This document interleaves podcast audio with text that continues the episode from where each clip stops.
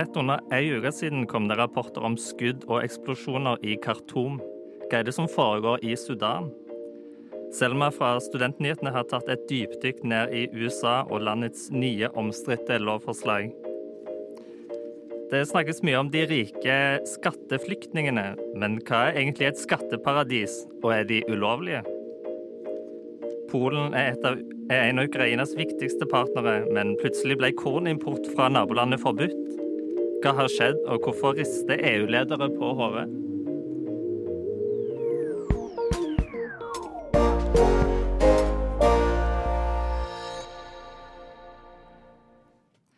Hei og hjertelig velkommen til Opplysningen 99,3 samfunns- og aktualitetsmagasinet her på Radio Nova. Mitt navn er Alexander Klyve Gudbrandsen, og jeg skal være med deg den neste knappe timen her på kanalen. Eh, og i studio i dag så har jeg med meg eh, Runa Årskog. God morgen til deg. God morgen. Det er jo en eh, varm og solrik morgen eller formiddag vi har her i hovedstaden i dag. Det ser ut som at vi har fått en forsmak på sommeren. Hvordan har morgenen din vært, Runa? Åh, Det er så deilig. Jeg har begynt å våkne før alarmene mine. Og på vinteren så blir jeg litt sånn irritert når det skjer, for jeg vil gjerne sove så mye som mulig. Men nå bare er jeg sånn åh, lenge morgen, god frokost. Jeg blir helt lykkelig. Elsker det. Ja, jeg skjønner meg litt igjen i det. Bortsett fra det med å våkne før alarm. Det tror, det tror jeg skjer sånn nesten aldri i mitt tilfelle. Nei, det er noe som har skjedd den siste uka, så jeg tror det er ehm, Jeg må enten kjøpe bedre blendingsgardiner til sommeren, eller så må jeg bare finne meg at eh, klokka seks-sju-tida, da er det sol. Så da er det våken. For du våkner liksom med soloppgangen? Ja, ish. Eller jeg våkner veldig mye av eh, Hvis det blir for lyst, så sover jeg dårlig. Eh, men til gjengjeld så er jeg jo mer våken òg, så jeg blir jo ikke så trøtt. Så det er veldig deilig. Ja, ikke sant. Um, vi har et uh, variert utvalg av uh, saker i dag her på Opplysningen 99,3, så bli med oss uh, videre, kjære lytter. først nå så skal du få litt musikk. Her får du 'City's Blue Moon' av Mathias Grinde. Her fikk du 'City's Blue Moon' av Mathias Grinde. Du hører på Opplysningen. Opplysningen. Opplysningen. Opplysningen. Opplysningen. Opplysningen. Hver fredag mellom klokken 10 og 11. På Radio Nova.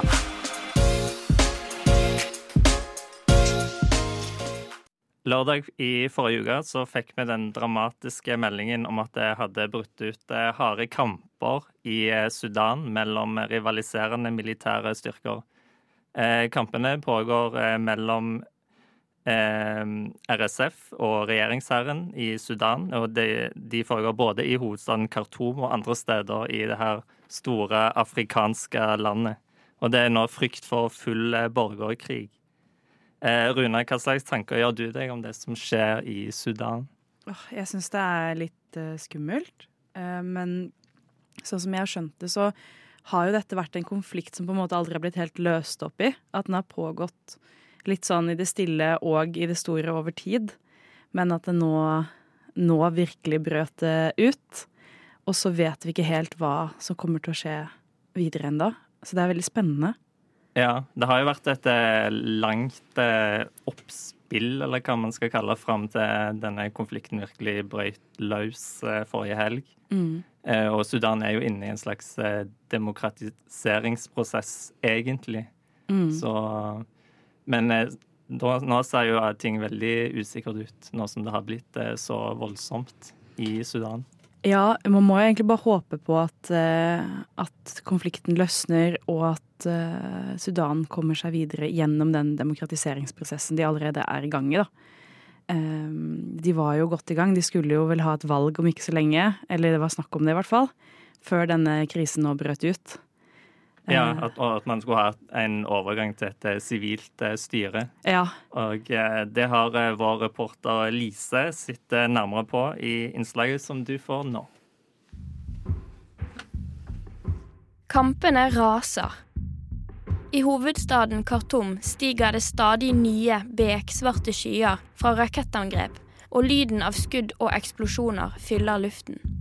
Sykehusene mangler blod, utstyr til blodoverføringer, og annet viktig medisinsk utstyr.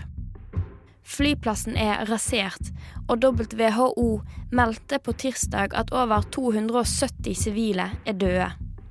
Hvordan har Sudan endt opp med en så blodig konflikt i landet? La oss starte med å gjøre det klart hva det er som egentlig skjer i Sudan. I Sudan er det for øyeblikket to motstridende militære ledere som kjemper med hverandre om makten i landet. I det ene hjørnet har vi den sudanske hæren med Abdel Fattah al-Buran i spissen.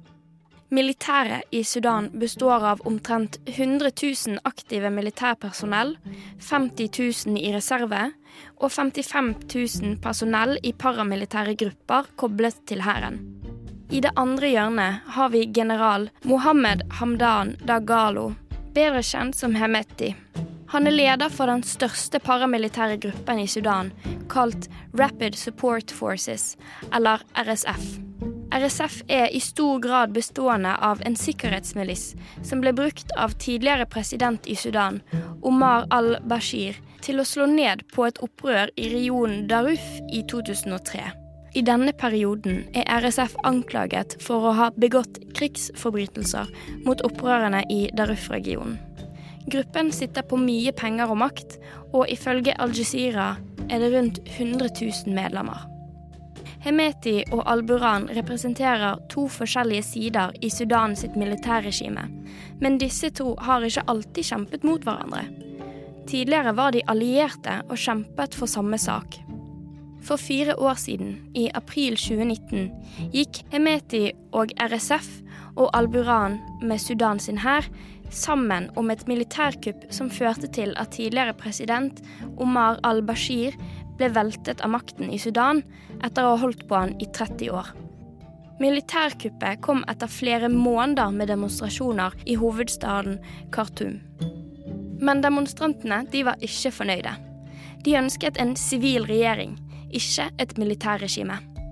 Etter flere måneder med demonstrasjoner ble det inngått en maktdelingsavtale mellom de sivile og det militære. Det ble planlagt å holde demokratiske valg i 2023. Men prosessen mot de demokratiske valgene ble avbrutt i oktober 2021. Da fant et nytt kupp sted. Kuppet ble ledet av hærsjef Al-Buran, dette kuppet falt ikke i god jord blant flere deler av den sudanske befolkningen. Og igjen blusset det opp demonstrasjoner mot regimet i landet. Men Al-Buran og hæren sitter altså for øyeblikket med makten i landet. Siden 2019 har dessuten rivaliseringen mellom militærleder Al-Buran og RSF-leder Hemeti styrket seg.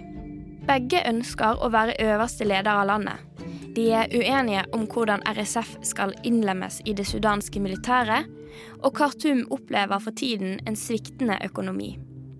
Da det lørdag den 15. april 2023 brøt ut skyting og eksplosjoner i Khartoum, var det uklart hvem som hadde startet angrepet, og begge sider skylder på hverandre. Den siste uken har det vært harde kamper i Sudan. De fleste finner sted i hovedstaden Khartoum, men det har òg oppstått kamper i andre områder i landet. Et av disse områdene er Daruf, hvor streifekuler har ført til at tre ansatte i FNs matvareprogram ble drept. Sudan har de siste årene altså vært som en kruttønne, og nå har noen til slutt tent på lunten. Og da er spørsmålet hva skjer videre? En mulig utfordring fremover skulle være om andre land ender opp med å støtte hver sin leder. Det blir som å helle bensin på bålet. Men det var akkurat dette som skjedde i et annet nordafrikansk land, nemlig Libya. Et annet problem er at begge ledere hevder å kjempe for demokratiet i Sudan, og at de forsvarer folkets vilje. Foreløpig er konflikten relativt begrenset i omfang, til tross for de store ødeleggelsene. Men den store frykten er at kanskje kan det gå mot en fullskala borgerkrig. Al-Jazeera forteller oss at ettersom begge sidene har sterke motiver til å fortsette kampene, er det usannsynlig at de kommer til forhandlingsbordet uten at én eller begge sider har lidd store tap. På den internasjonale scenen har mange stormakter fordømt volden som finner sted i landet, og oppfordrer til umiddelbar våpenhvile. Blant disse stormaktene finner vi USA, Russland, EU, Egypt, Saudi-Arabia, Kina og Den afrikanske union. Håpet er at økende internasjonalt press om fredsforhandlinger vil føre til en raskere nedtrapping av konflikten. Det har på ulike tidspunkt den siste uken oppstått forsøk på våpenhvile, men denne våpenhvilen har blitt brutt minutter etter at den ble inngått. Konflikten som nå pågår i Sudan er komplisert og fortsatt relativt fersk. Hvordan løpet blir videre, det er fortsatt usikkert. Vi her i Opplysningen vil uansett følge nøye med i tiden framover. Reporter i saken var Lise Benus, og lyden var henta fra Blue Dot Sessions. Her får du River Deep av Hamre Chofu. Det var River Deep av Hamre Chofu. Og så bruker han jo da også i forlengelsen av det dette ordet terrorist. ikke sant? På sett og vis er jo det USAs store gave til verdens eh, autoritære Finne et litt mer, litt mer nyansert språk der. De arabiske statene prøver å føre en sånn politikk hvor de kan støtte palestinerne i retorikk, men i praksis holde seg egentlig unna konflikten. Radio Novas samfunns- og aktualitetsmagasin Opplysningen gir deg historiene, sakene og debattene andre overser. Aldri redd, alltid balansert. Rune, hvis jeg sier kontroversielle lovforslag i USA det siste året, hva tenker du på da? Oh, det er to ting som umiddelbart kommer eh, til overflaten. Og det er jo eh, denne endringen av Roe v. Wade, som gjør at eh, stater selv kan velge om de skal være for eller mot abort. Eh, ellers er det den andre loven som foregår i Florida eh, akkurat nå, hvor man skal forby undervisning, seksualundervisning, og da spesielt når det kommer til kjønnsidentitet og, og legning og sånt. Ja. Ja, det har vært eh, en ganske sånn lang serie av eh, ulike lovforslag i, innenfor den tematikken som du nevner her. Mm. Ja. Det er jo en eh, utvikling som er veldig kontroversiell og omstridt. og som det er veldig delte meninger om. Eh, og vi har eh, fått eh, på utlån fra Studentnyhetene en reporter som heter Selma. Og hun har tatt et lite dypdykk i denne tematikken for oss. Eh, I et innslag som er i to deler, og først, den første delen får du her. Datoen er 22. januar 1973. Vi er i Washington DC, og etter en lang kamp har Høyesterett endelig kommet til en beslutning som vil endre kvinners liv landet over. Endelig kan han puste ut, fordi retten til selvbestemt abort er sikret. Avgjørelser om din kropp er nå mellom deg og din lege, og ikke staten. Men eh, spørsmålet er hvor lenge vil det vare? Demonstrators flocked to the Supreme Court shortly after Political broke the news Monday night an unprecedented leak of an entire draft opinion. My initial reaction is that it's stunning on so many levels. First of all, just for what's happening in America, we're talking about 50 years of precedent that it appears now will definitely was be a thrown out the political earthquake last May when the draft Supreme Court opinion overturning Roe v. Wade was leaked. A leaked draft opinion from the Supreme Court shows that federal abortion protections may soon be overturned. Thousands gathered outside the Supreme Court on Tuesday afternoon to protest the leaked draft opinion that was reported to have the support of five conservative. Vi spoler fram nesten 50 år. I mai 2022 publiserte Politico et utkast til en bestemmelse fra Høyesterett hvor majoriteten av dommerne går inn for å sette den historiske dommen Roe v. Wade til side. I praksis betyr dette at retten til å lage lover som omhandler selvbestemt abort, nå går tilbake til statene. Drøyt to måneder senere, 24.6.2022, er det klart at utkastet ikke bare var ekte, men at majoriteten av dommerne har stemt over at Roe v. Wade ikke lenger skal være den ledende jussen. Selv om retten til abort ikke forsvant fra alle delstatene med en gang, kunne man høre historier om abortklinikker som måtte stenge dørene på dagen. I noen stater er det nemlig allerede vedtatt såkalte trigger laws, altså lover som ligger på lur og trer i kraft med en gang eller kort tid etter Høyesterett kommer med denne beslutningen. I stater som Kentucky, Louisiana og South Dakota var det vedtatt lover som trådte i kraft med en gang. Her ble loven slik at alle som tilbyr eller forsøker å tilby abort, siktes og fengsles. I Louisiana vil man også måtte betale en bot på mellom 10 og 100 000 dollar. Idaho, Tennessee og Texas hadde lover som automatisk trådte i kraft 30 dager etter høyesterettsbestemmelsen, her også med både fengselsstraff og bøter. I Arkansas, Mississippi, Missouri, North Dakota, Oklahoma, Utah og Wyoming hadde de også triggerlover, men disse trengte noen form for iverksettelse. Noen av disse statene jeg har nevnt, har unntak til lovene, altså om mors liv står i fare f.eks., vil aborten være lovlig. Noen har unntak om overgrep og voldtekt, men ikke alle.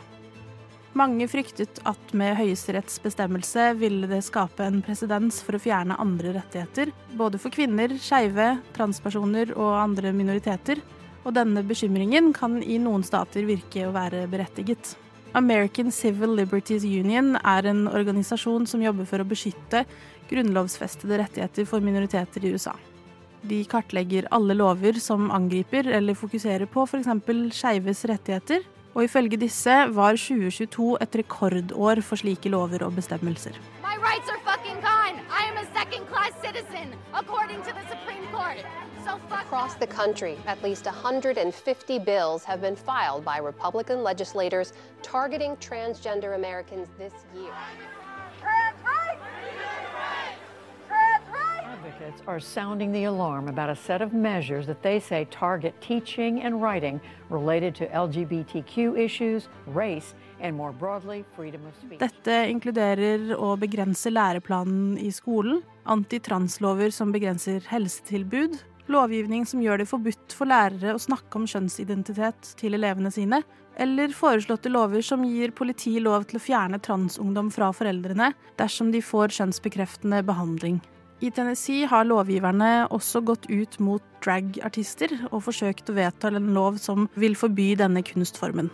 Jeg lurer på hvorfor USA, som tilsynelatende er et demokratisk og utviklet land, går tilbake på grunnleggende rettigheter som er beskyttet av Grunnloven. Jeg lurer også på hvordan man går videre når man ser at kvinners rettigheter, skeives rettigheter og andre minoriteters rettigheter innskrenkes.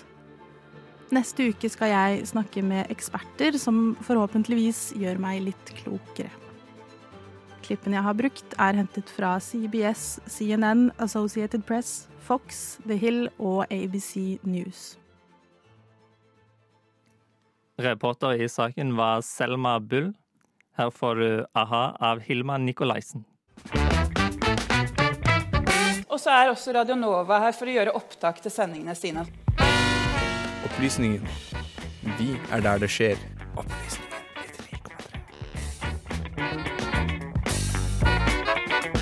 I disse dager så får de aller fleste av oss den såkalte skattemeldingen. Og det kan jo være med varierte følelser om man åpner den og finner ut om man har penger til gode, eller om man må betale litt eller mye. Eh, og Rune, har du, fått, du har fått din skattemelding, som vi snart skal høre. Jeg har fått min skattemelding, ja.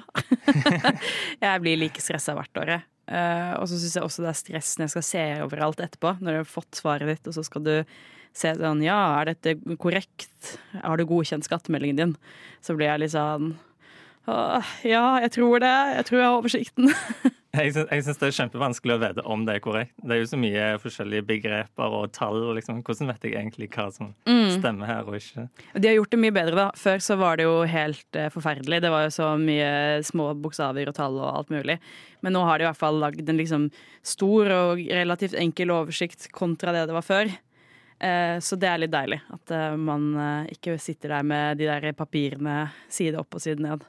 Ja, det er jeg ganske glad for. Mm. Og at eh, jeg tror skattemeldingen blir levert automatisk òg nå. Det er ikke sånn at man må levere den Jo, jeg måtte godkjenne, men uh, Så jeg tror du Ja, skatte Nå husker jeg aldri forskjellen på skattemelding og når du skal føre opp uh, hva du tror du kommer til å tjene.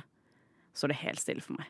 Men i hvert fall jeg, jeg, jeg er ikke peiling på den type ting. Så jeg Nei, ikke skatt er ikke det mer, mer peiling på liksom andre typer skatter, som ikke er den jeg må betale sjøl. For det syns jeg er veldig spennende sånn politisk. Men min egen skatt så er jeg sånn OK, tror ca. så mye, ferdig.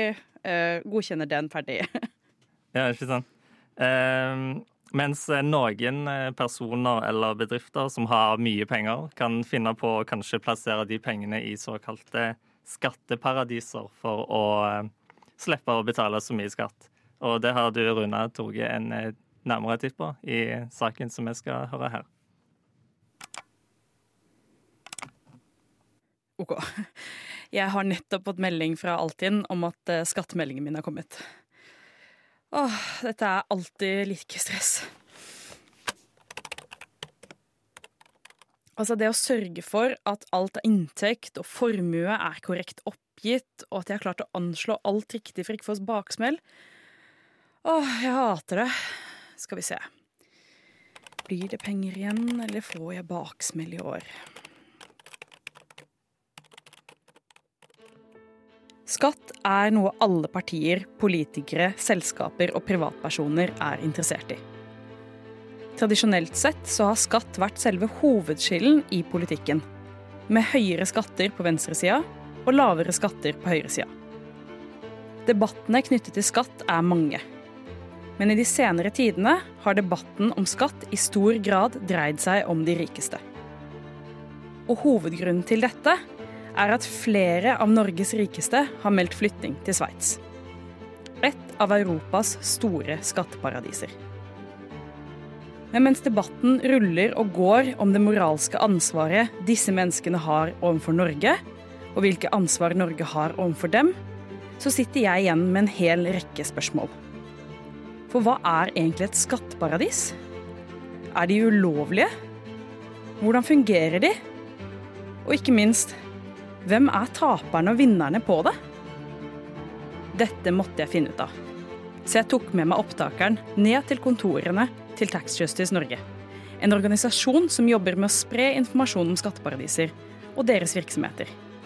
Der nede møtte jeg Jonas Veland, en av rådgiverne til Tax Justice. Vi kan begynne med første spørsmål. Eh, og det er jo om du kan forklare litt hva skatteparadiser er?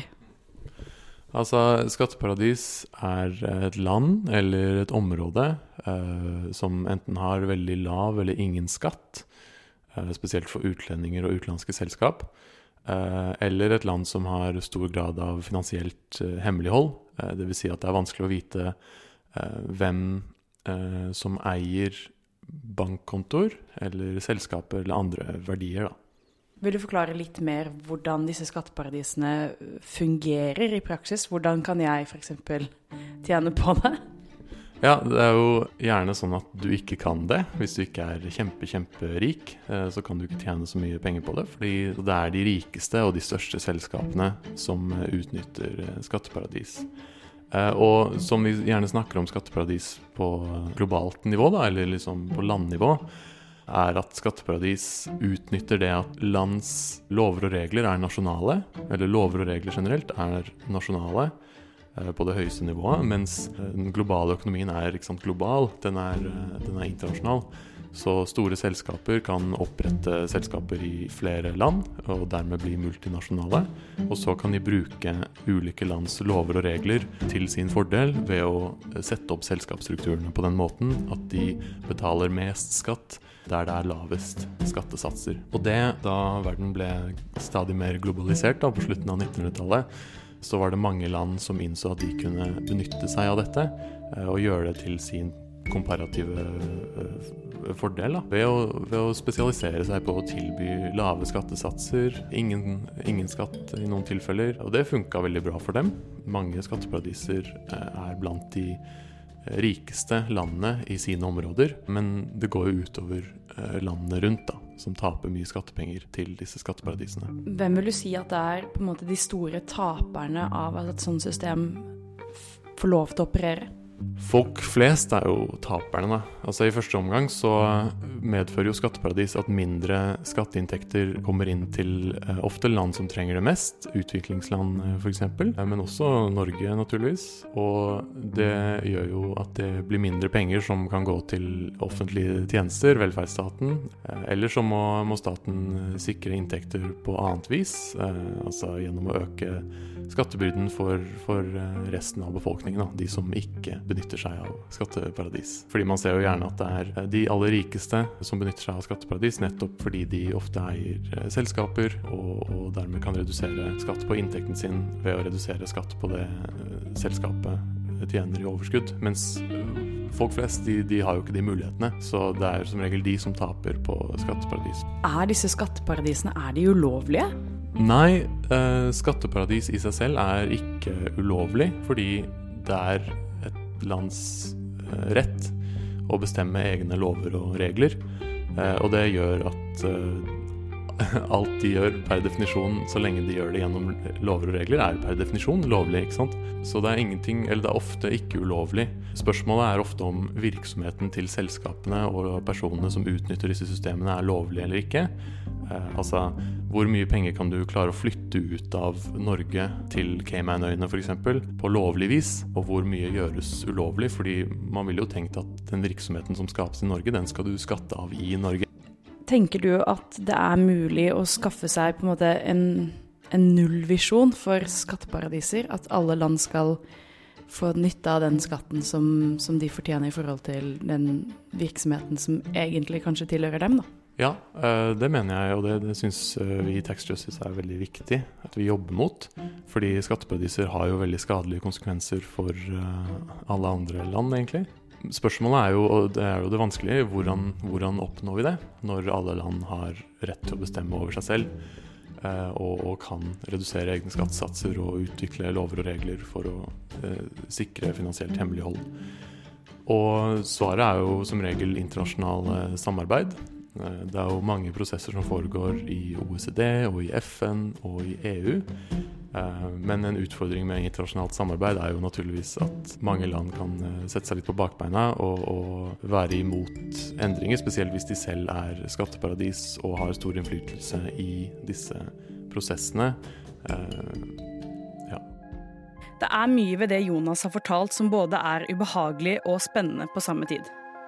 Land kan altså tjene seg rike på å senke skattene så mye at folk plasserer selskapene og pengene sine i deres land. Det er rett og slett en businessmodell. Samtidig er de ikke ulovlige. Og selskaper kan rett og slett, ja altså slik som det er nå, velge å vrake i ulike lands skattesatser for å skatte minst mulig av inntekten og formuen de eier. Det høres jo kanskje ikke så gærent ut, men det gir en liten bismak når man vet at det går utover folk flest, og da spesielt for lavinntektsland. Og bismaken blir kanskje enda større når jeg kan fortelle deg at mange av skatteparadisene ikke bare har lave skatter, de driver også gjerne med hemmelighold og hvitvasking av penger. Men hvordan dette foregår, og hva de driver med, det skal vi høre mer om i neste episode om skatteparadis.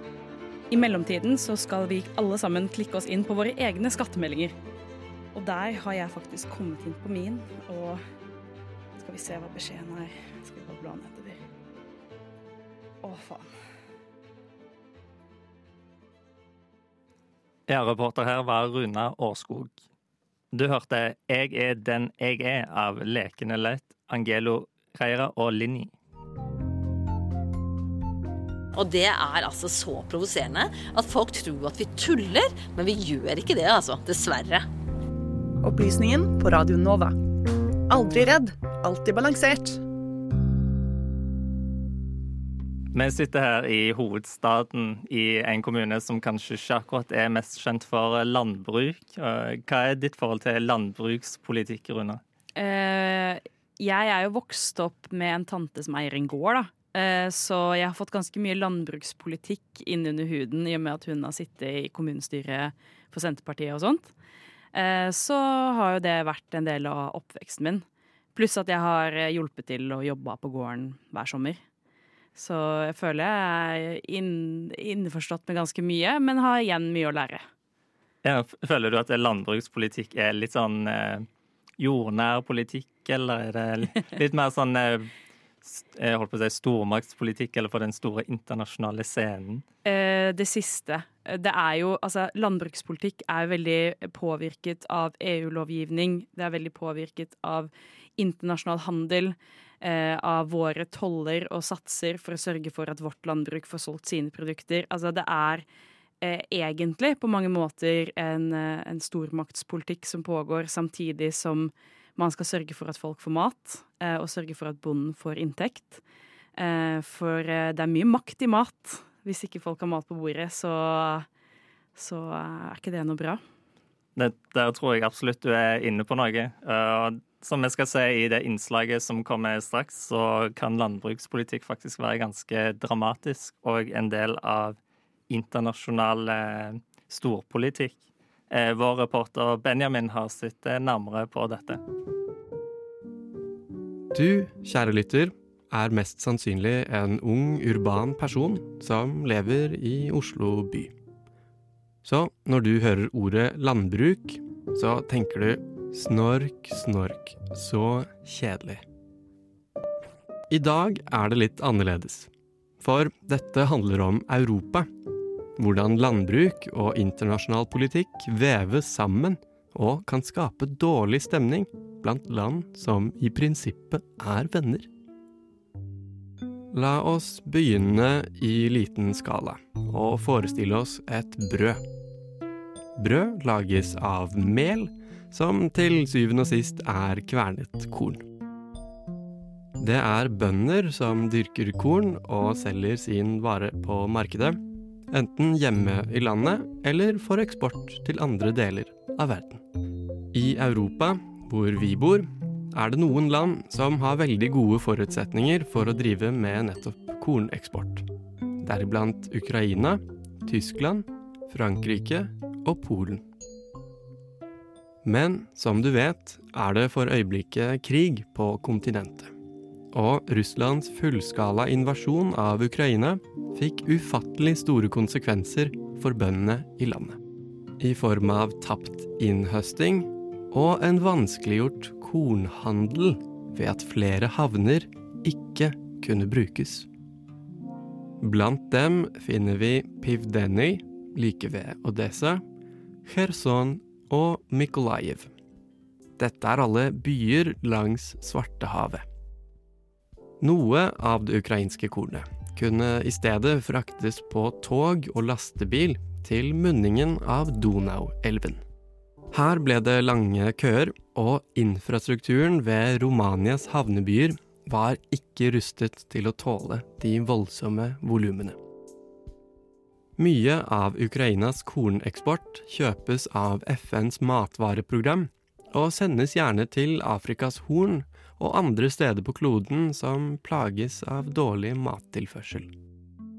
Så i fjor, 2022, ble det nedlagt en enorm politisk innsats gjennom EU for å hjelpe det krigsrammede Ukraina med å selge korn til verdensmarkedet.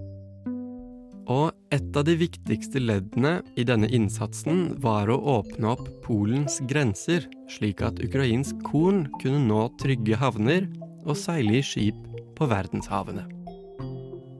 Jeg skal ikke gjøre det vanskelig eller teknisk, men du må vite at dette handler om et tollfritak for ukrainskprodusert korn.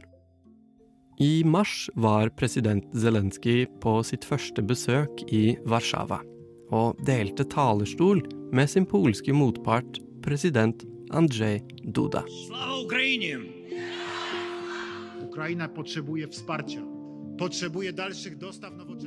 Det polsk-ukrainske samarbeidet er helt unikt. I våpenstøtte, husly til flyktninger og bistand. Men det var noe som ulmet i bakgrunnen. Og ja, det handlet om korn. Dette har på merkelig vis blitt stridens kjerne. Et hundretalls polske bønder tok til Warszawa i sine traktorer i protest, og forlanget et forbud mot import av korn fra Ukraina. I henhold til europeisk handelslov skal slike forbud egentlig være ulovlige. Men likevel så skjedde det.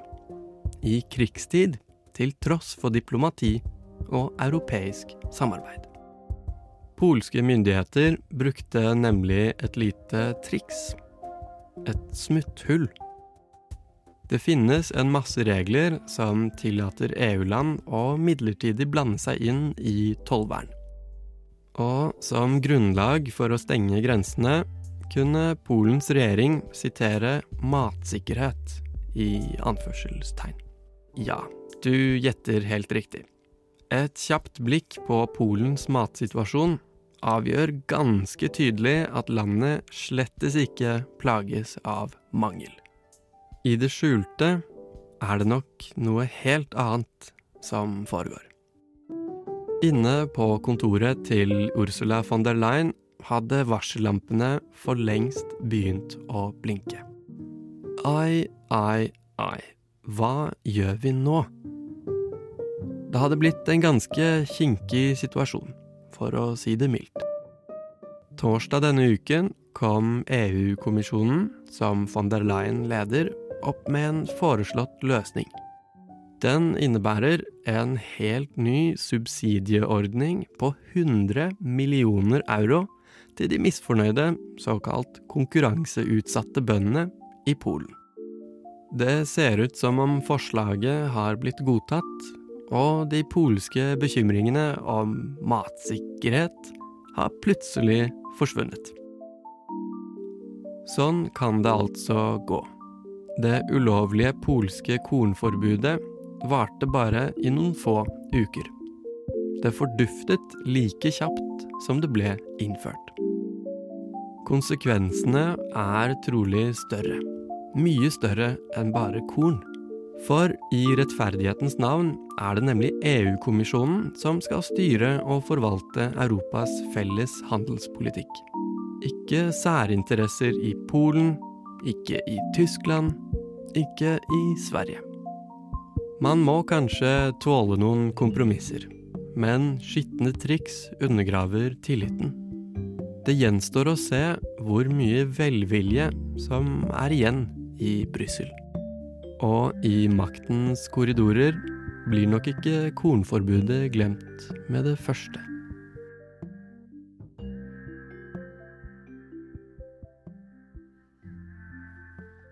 Reporter var Benjamin Nordtømme. Lyden var fra VOA og Blue Dot Sessions. Det var Til vi dør av Tidstyv. Neimen, Bertil, da! Har du glemt å høre den siste episoden av Opplysningen på Radio Nova? Har nok det. Men da kan du jo bare høre det som podkast når du vil. Å, det skal jeg jammen meg gjøre! Vi nærmer oss eh, slutten her på ukas episode av Opplysningen 99,3, og det nærmer seg helg. Ser ut til å bli en eh, varm og solfylt helg i hovedstaden og store deler av resten av landet. Og Runa, hva slags planer har du for helga? Åh, jeg, I morgen så skal jeg på bursdagsbrunsj, eh, så det gleder jeg meg til. Eh, det er ikke feil å ta et lite glass vin, eller flere, halv ett når det er så fint vær på en lørdag. Det syns i hvert fall ikke jeg. Nei, det er vel eh, en stund siden det har vært eh, mulig å gjøre det, kanskje. I hvert fall utendørs. Ja, ja, ja, og jeg gleder meg så mye. Og det er dessverre meldt utrolig dårlig vær på søndag eh, og videre utover neste uke. Eh, vi prøver å se liksom positivt på det da, og tenke sånn ja ja, ok, men da får vi ta masse lesing eh, og jobbing neste uke, og så får vi komme sterkere tilbake på balkongen når det blir sol igjen. Ja, man må liksom utnytte godværet når man kan i, Ja, i det landet her med det her eh, klimaet. Absolutt. Men har du noen planer for helga? Em, ikke som jeg har fasttømra. Jeg tar det litt mer som det kommer, tror jeg. Jeg ser hva det blir til. Å, sånne helger er deilig. Når du bare kan stå opp og være sånn hm, Hva skal denne dagen brukes til? Ja, og så bare ta det akkurat sånn som man har lyst til. Og så er det jo òg Novafest eh, den helga her. Litt eh, reklame for, på kanalen her til våre lyttere. Ja, det er jo en eh, festival man ikke vil gå glipp av. Hvor man får kanskje mulighet til å høre helt nye band som blir store i fremtiden. Mm, det er en eh, unik sjanse. Ja, ja, ja. Um, vi må ta oss og runde av. Um, I studio har vært eh, undertegnede Alexander Klyve Gudbrandsen og eh, Runa Årskog. Uh, Tekniker har vært Amalie Sundby. Og andre medvirkende har vært Lise Benus, Selma Bull og Benjamin Nordtømme. Eh, På vei ut så får du en sang som heter O merkeliger menn på islandsk, av eh, O Kinderhjerte.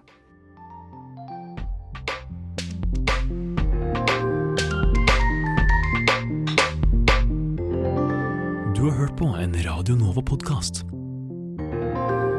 Du finner flere podkaster i din foretrukne podkastavspiller eller på vår hjemmeside radionova.no.